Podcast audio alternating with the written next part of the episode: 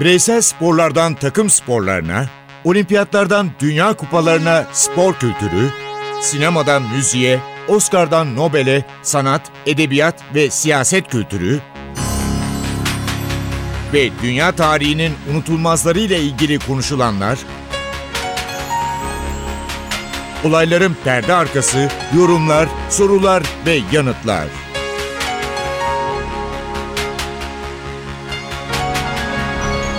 Ercan Taner ve Mert Aydın'la Ateş Arabaları başlıyor.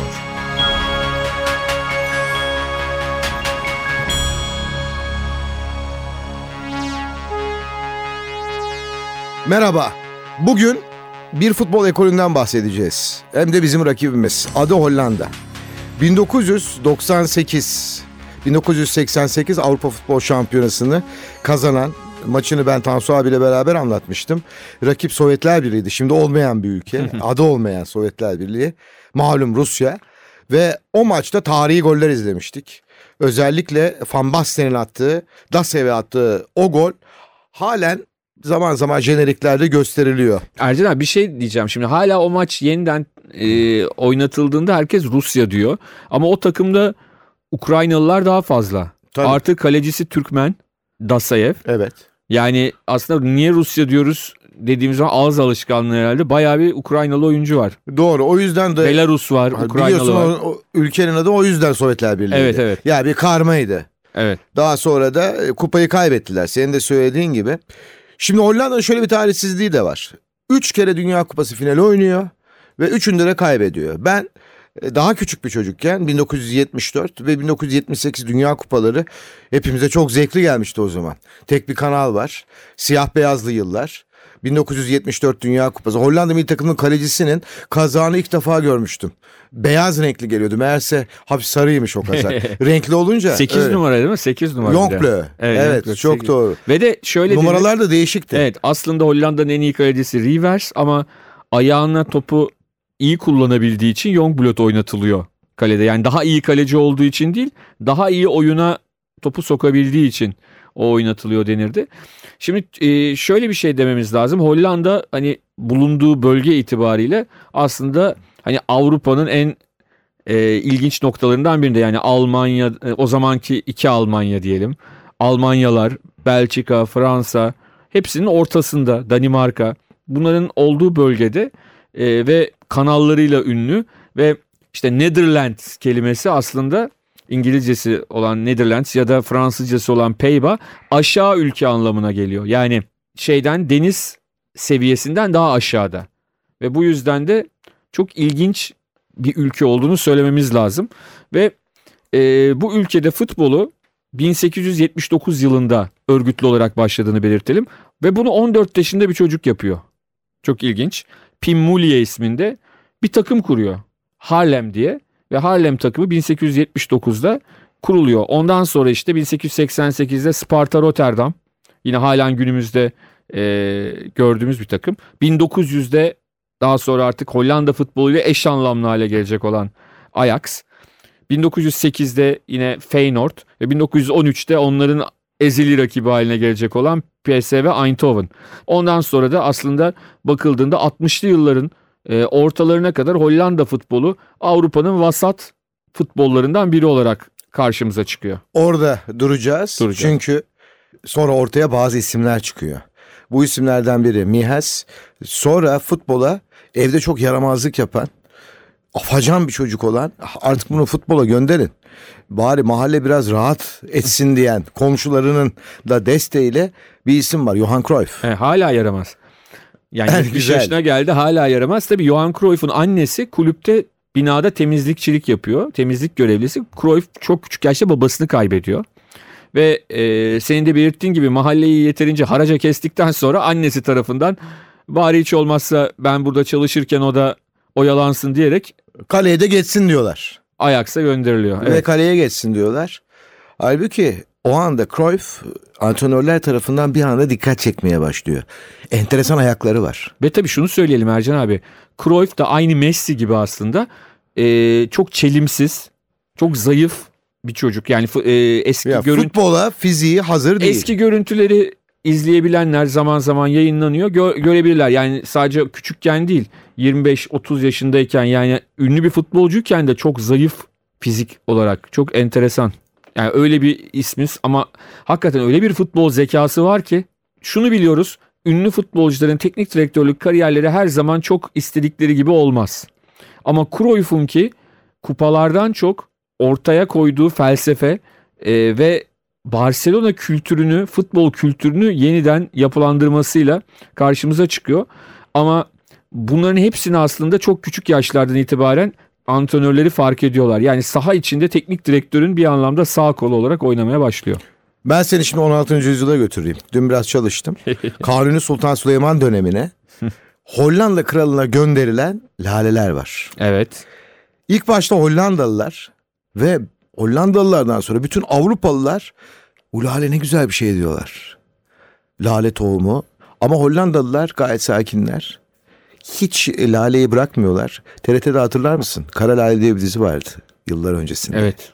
Tarihi bir diziydi. Bir Hollanda'da lalenin e, bir sürü lale rengi vardır ama siyah lale. Onun üretilmesi falan çok zordu. Onu anlatan bir diziydi. Böylece dünyanın en fazla lale üreten ülkesi haline geliyor Hollanda. Biz onların lakabına portakallar diyoruz ama O formalarından kaynaklanıyor. formalarından forma güzel forma. Evet. Zaten 74'te Zaten kendilerine de o- 78'de e, çok kişi "Aa, ne güzel formaları var bunların deyip Hollanda'yı tuttular. Ki şunu söyleyelim kendileri de Hollandalılar portakallar diyor. Yani milli takımın adı portakallar. Evet portakallar. Oranje. Fakat Lale de dünyanın bir numaralısı. Evet. ülkesi. Ya şunu söyleyeyim. e, Dün seninle konuştuğumuzda programı hazırlamadan önce ben dedim ki Mert biraz Hollanda'dan bahsedeceğiz. Tabii Van Gogh'tan bahsetmeden de olmaz. Hollanda milli takımının yanı sıra aklıma şu geldi.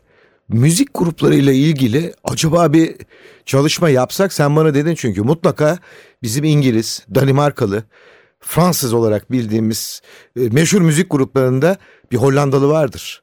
Meğerse varmış. Var evet bulduk araştırdık. Bulduk. Ee, bu grubumuz da aslında Hollanda milli takımının popüler olduğu dönemde 1976 yılında ortaya çıkan bir grup. Almanya'da kuruluyor ve e, ilk grup elemanları bir erkek ve dört kadından oluşuyor. E, aslında tamamı Karayiplerden doğum yeri olarak büyüme olarak ama kadınlar İngiliz vatandaşı, Britanya vatandaşı, erkekse Hollanda vatandaşı. Çünkü Hollanda'ya bağlı Aruba'da dünyaya geliyor ama Hollanda'da yaşıyor. Bobby Farrell. Ee, bu grubun adı da Boney M. Boney M 76-86 arasında. Daha sonra da 2-3 kere daha dönüş yaptılar ama asıl efsane oldukları, bugün bile işte e, her noktada karşımıza çıkan şarkıların oldukları dönem 1976-86 dönemi. E, oradan parçalar seçtik. E, Bobby Farrell'ın Davudi sesini de arada dinleyicilerimiz fark edeceklerdir. Farrell e, 2010 yılında çok ilginç bir şey. Nerede öldüğünü, vefat ettiğini söylersem e, şaşıracaksın. St. Petersburg'da, Rusya'da. Hmm. Ama Boney M deyince aslında Rusya insanın aklına geliyor bir şarkıları yüzünden. İstersen o şarkıyla O başlayalım. şarkı Rus sarayı içinde her türlü entrikaya imza atmış birini mi anlatıyor bize yoksa? Aynen öyle ve o dönemde Sovyetler Birliği'nde de yasaklanan bir şarkı. Rasputin.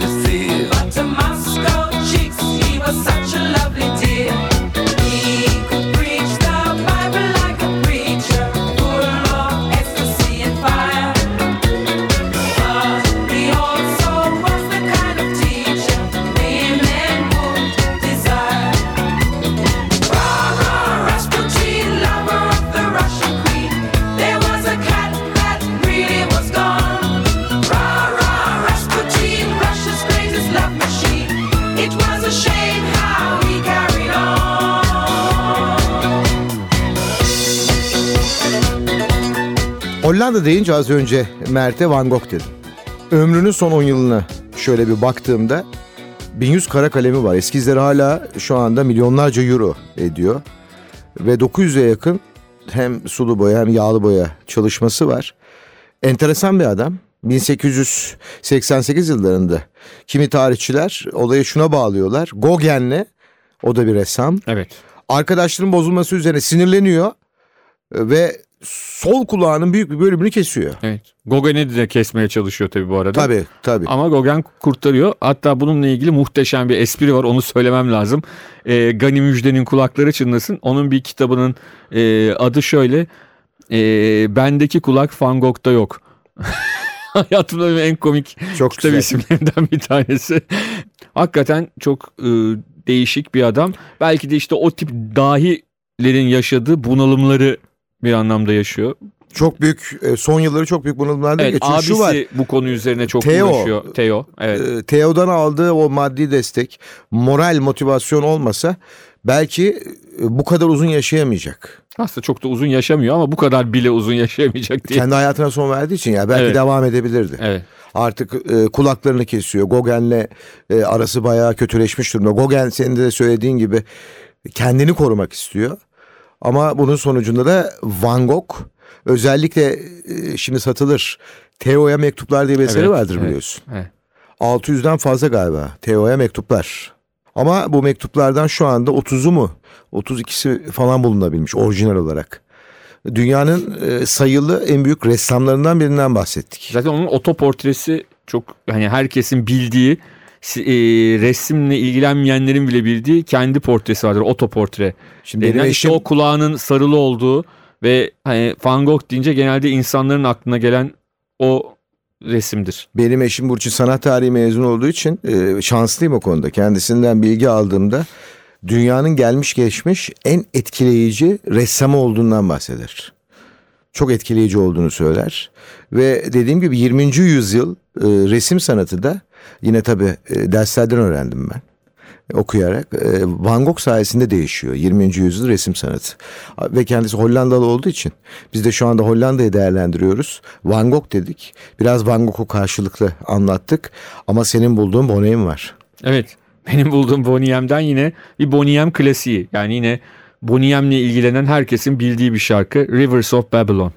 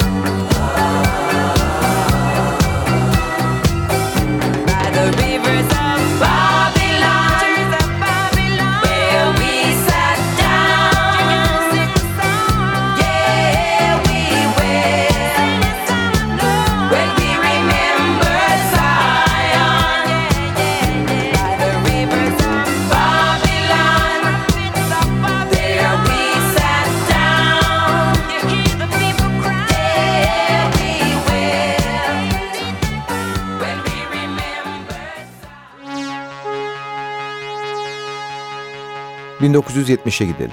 1970'te Hollanda ve başına gelen bir teknik direktör var.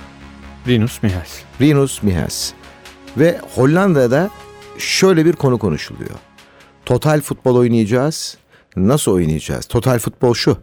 Hepimiz günümüzde sistemi şöyle konuşuyoruz. 4-3-3. Fakat bunu başaran ve dünyaya sunan ülke Hollanda diyebiliriz. Ya Hollanda'nın oynadığı o ilk dönemki çılgın radikal total futbol için şöyle deniyor. Zaman zaman sol bekinizi sağ açıkta, santrforunuzu stoperde, stoperinizi sol açıkta görebildiğiniz, herkesin her yerde oynadığı e, bir oyun. O dönemki Ajax'ın bunu çok iyi oynayabilmesinde genelde o dönemin futbolcuları şunu anlatıyorlar. E, Ajax takımının büyük çoğunluğu Ajax altyapısından yetişiyor birçoğu çocukluktan itibaren birlikte oynayarak bir yere gelmiş durumlar. Bu da takımın oyununu farklı hale getiriyor. Tabii total futbolu kimin bulduğu üzerine çok tartışmalar vardır. Beynin kim olduğu üzerine. Rinus Michels ile Ajax ve Hollanda milli takımı olduğu için Michels ön plana çıkar.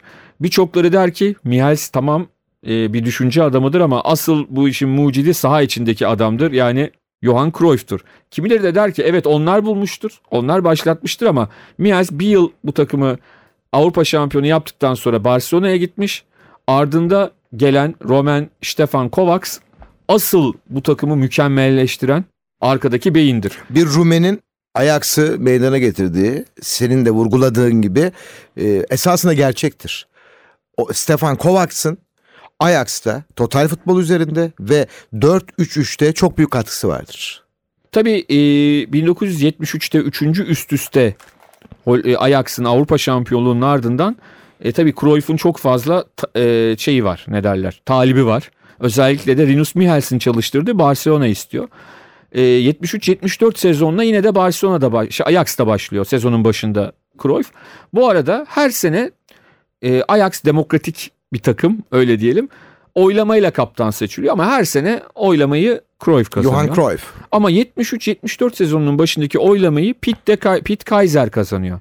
Ve bunun üzerine çok... Kaiser'li bir forvet oyuncusu. Evet. Onu da söyleyeyim. Evet hatta birçoklarına göre Cruyff'tan daha yetenekli. Ama Cruyff'un oyun zekası ve farklı felsefi yorumları onda yok. 11 yaşındaydım. Ankara'da siyah beyaz televizyonda babamla beraber rahmetliyle seyrediyoruz. Kaiser'in Bayern Münih'e attığı, sol ayağıyla attığı mükemmel gol hala gözümün önünde. Sebebini söyleyeyim golden sonra elektrikler kesildi. Maçın son bölümünü seyredemedik. O dönemin meşhur. Meşhur elektrik kesintileri. O yüzden Kaiser'in o golünü unutmam. Ve Cruyff Barcelona'ya gidiyor. Ve Barcelona'yı şu andaki Barcelona'nın temellerini daha futbolcuyken nasıl bat- e, atmaya başladı ayrı bir hikaye ama o sezonun sonunda ki Dünya Kupası senin de bahsettiğin gibi Hollanda'nın futboluyla herkesi büyülediği ama sonunda Almanların kazandığı e, Bir gerçek. bir turnuva olarak karşımıza çıkıyor. O Hollanda milli takımında sırf Ajax'lar yok tabii ki. İşte Jong Blond da Ajax, Blond da Ajax'lı değil. E, oradaki ilginç isimlerden bir tanesi aslında belki de o Harala Gürel'e birçoklarının fark edemediği Wim van Hanegem. Van Hanegem. Feyenoord'un frikikleriyle de ünlü orta saha oyuncusu. Bir de Çok- toplara çok iyi vurar. Çok- Ondan bahsetmemiz lazım. Türkiye'de. Raykart'la beraber geldi. Raykart'ın Ha, yanında. şey, Neskens. Neskens'ten. Bir penaltı atıyordu. Şöyle söyleyeyim ya kalecinin hiç kıpırdamasına gerek yok. Topun süratini şu anda ölçseler herhalde bir 180 ile falan vuruyor topları. İnanılmaz. Tabii Han'ın frikikleri. Anında frikikleri tabii. Film Van Hanegem'in çok en- çok sevdiğim bir hikayesi var onu anlatayım. Feyenoord'da oynuyor çok başarılı. İşte Feyenoord aslında Ajax'tan önce Avrupa şampiyonu oldu. 70'te ardından 3 yıl üst üste de Ajax oldu. Hollanda futbolunun patladığı günler. Ernst Happel yönetiminde. Van Hanegem'e Marsilya'dan teklif geliyor. Bir türlü karar veremiyor. İyi bir para veriyorlar. Gitsem mi gitmesem mi? Hani Feyenoord'da onun yuvası. Ona soruyor buna soruyor. En sonunda en yakın arkadaşı takım arkadaşı Jansen. Jansen'in eşi Van Hanegem ve Van Hanegem'in eşi e, Rotterdam yakınlarında küçük bir adaya pikniğe gidiyorlar. Ve orada açıyor konuyu diyor ki burada oylama yapıyoruz diyor. Ne çıkarsa ben ona uyacağım diyor. Dörtlü oylama yapıyor 2-2 çıkıyor. Çok iyi. Ne yapacaklar? En sonunda şuna karar veriyorlar. Film Van Hanegem'in bir tane köpeği var yanlarında.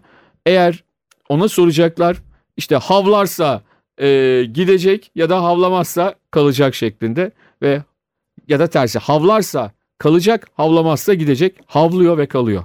Havlu ve kalıyor. Çok güzel hikaye. güzel hikaye. Ve 1974 Dünya Kupası'nın final maçına götüreceğim sizi. Maça mükemmel başladı Hollanda. Daha maçın hemen başıydı ve penaltı oldu. Cruyff topu aldı. Ceza sahası içi. Penaltı. Topun başına Nenskens geldi. Bir anda Almanlar 1-0 yenik duruma düştüler. Yermini Olimpiyat Stadı. Fakat Almanya'da kendini saha içinde göstermeyen ama Alman futbolunun en golcü ismi vardı. Adı Gerd Müller'di. Sağ kanattan gelişen Almanya hata sonra bir penaltı. Topu ağlara gönderen Breitner durum 1-1 oluyor. Ve ilk yarıda son bölümlere doğru giderken yine bir kanat topuyla geliyorlar. Kaleci uzanıyor Jongleu top tam uzaklaştı derken Gerd Müller dokunuyor. Hollanda 2 bir yenik duruma düşüyor bir anda. Favori Hollanda finalde. Almanlar kendi evlerinde 2-1 önde ve Mert'in söylediği o tarihi cümle yine gerçekleşiyor. Evet. Kazanan. Futbol 22 kişiyle oynanır. Maç 90 dakikadır ama sonunda Almanya kazanır. Almanya yine kazanıyor. Evet ama 4 Dünya Kupası'nı kazanıyor. Evet 4 yıl sonrasında Hollanda milli takımı yine favori ancak Cruyff gelmiyor. İddialar var bu konuda hala anlaşıl şey yapılamamış işte e, tehdit edildiği o yüzden gitmediği ya da işte Arjantin'deki juntayı protesto için ben gitmediği. sana bir şey söyleyeyim mi? De- Cruyff'un canı sıkılmıştır. Evet. Öyle enteresan bir adam Bir de Cruyff. şey var o o da hani gerçekçi her yaz e, eşinden uzak kal- kaldığı için biraz ailesine vakit geç, e, ayırmak istediğini söylüyor ama neyse öyle ya da böyle gitmiyor ve bu sefer takımın başına Ernst Happel var. Happel yönetiminde ve Cruyff'suz Hollanda yine de başarıyor. Yine finale çıkıyor. Yine arada Almanya'yı da eliyor e, ondan sonra ve finalde ev sahibi Arjantin'le oynuyor. Hemen şunu söyleyeyim. Maçın başı. Evet. Maç Dünya Kupalarının geç başlayan herhalde tek maçıdır. 1950'leri bilmiyorum ama tek maçıdır. Çünkü televizyondan naklen yayınlanıyor. Evet, ben de. Sebebi şu. e, Kerkhoff kardeşler var. Rene ve ikizler. Hollanda milli takımında. Rene ve Willy van de Kerkhoff. Onlar ellerinde- PSV'li bu arada. PSV. Eindhoven'lı. Alçı var Kerkhoff'ta. Arjantinliler Aslında diyorlar. sargı ya- olduğu söyleniyor. Sargı. Ha, onlar da- diyorlar ki biz oynamayız. Neden diyor hakem? E, televizyondan biz de seyrediyoruz. Elinde alçı var sakatlanırız. Çıkartacak bunu yoksa biz maça Aslında bu başlamıyoruz. bir sinir bozmak için Tabii. özel bir çaba ve hatta orada takımın İspanyolca bilen adamı Neskens Barcelona'da oynadığı için araya giriyor konuşuyorlar falan. İşte o alçı dedikleri şeyin üstüne bir sargı daha attırma koşuluyla maça başlıyorlar. E, Kempes var. Bu arada maça başlarken senin de çok sevdiğin o konfetiler atılıyor. Konfeti tarihi. Ta, Orada öyle. başlamıştır. Ve e, Yer Buenos Aires. maç 1-0 Arjantin lehine dönüşüyor Kempes'in golüyle. Herkes Arjantin kazanacak zannederken e, 79 ya da 80. dakikada oyuna sonradan giren Naninga kafa vuruşuyla şok ediyor. Bütün Arjantin şokta. Bir Maç bir. öyle bitiyordu. Maç e, Arjantin kazanıyordu senin söylediğin gibi. 1-1 oldu. Ama öyle bir son dakika var ki. Aynen öyle. Ya Hollanda 1974'ü tamam kazanamadı. Orada Almanlar e, geleneği bozmadı. Ama rakip Arjantin dakika artık 90. evet. Bir Rensenbrink, dokunuş. Resembring.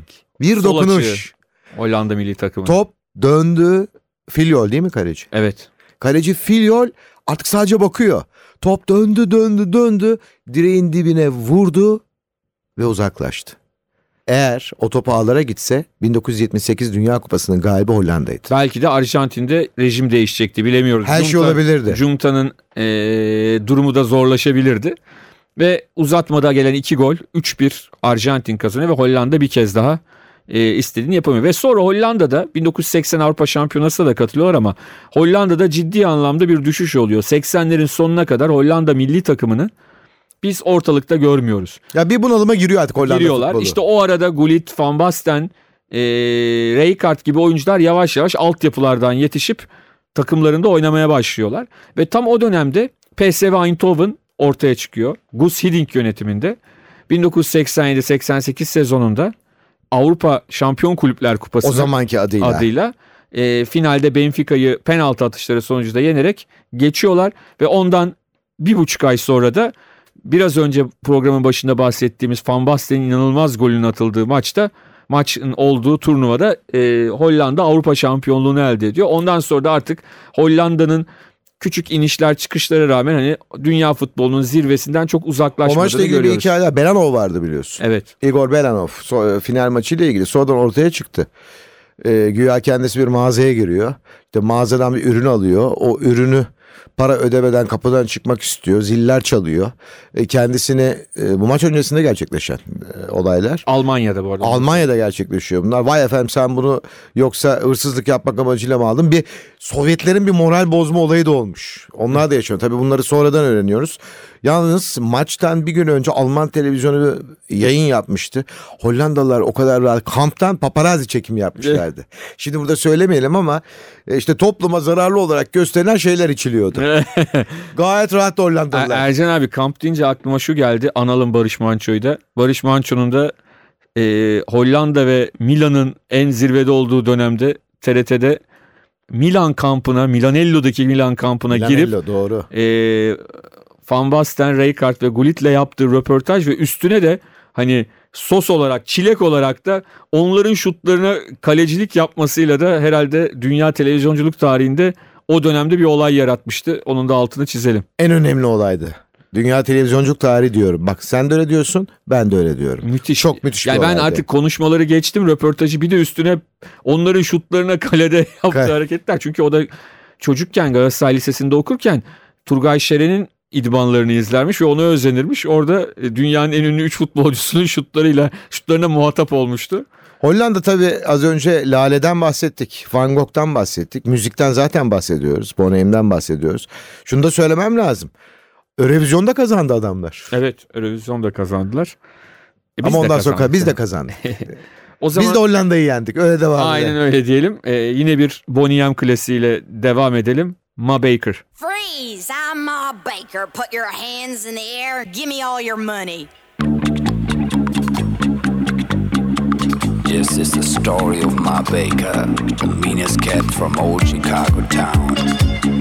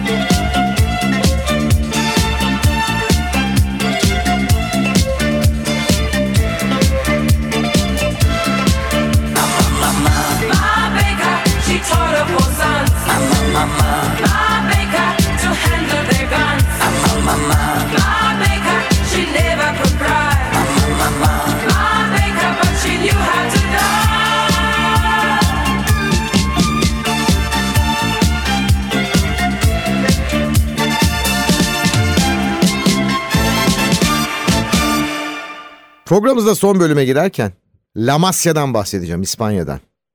La Masia Barcelona'nın futbol okulu. O okulun temellerinde Hollandalılar var. Hollanda futbol anlayışı var.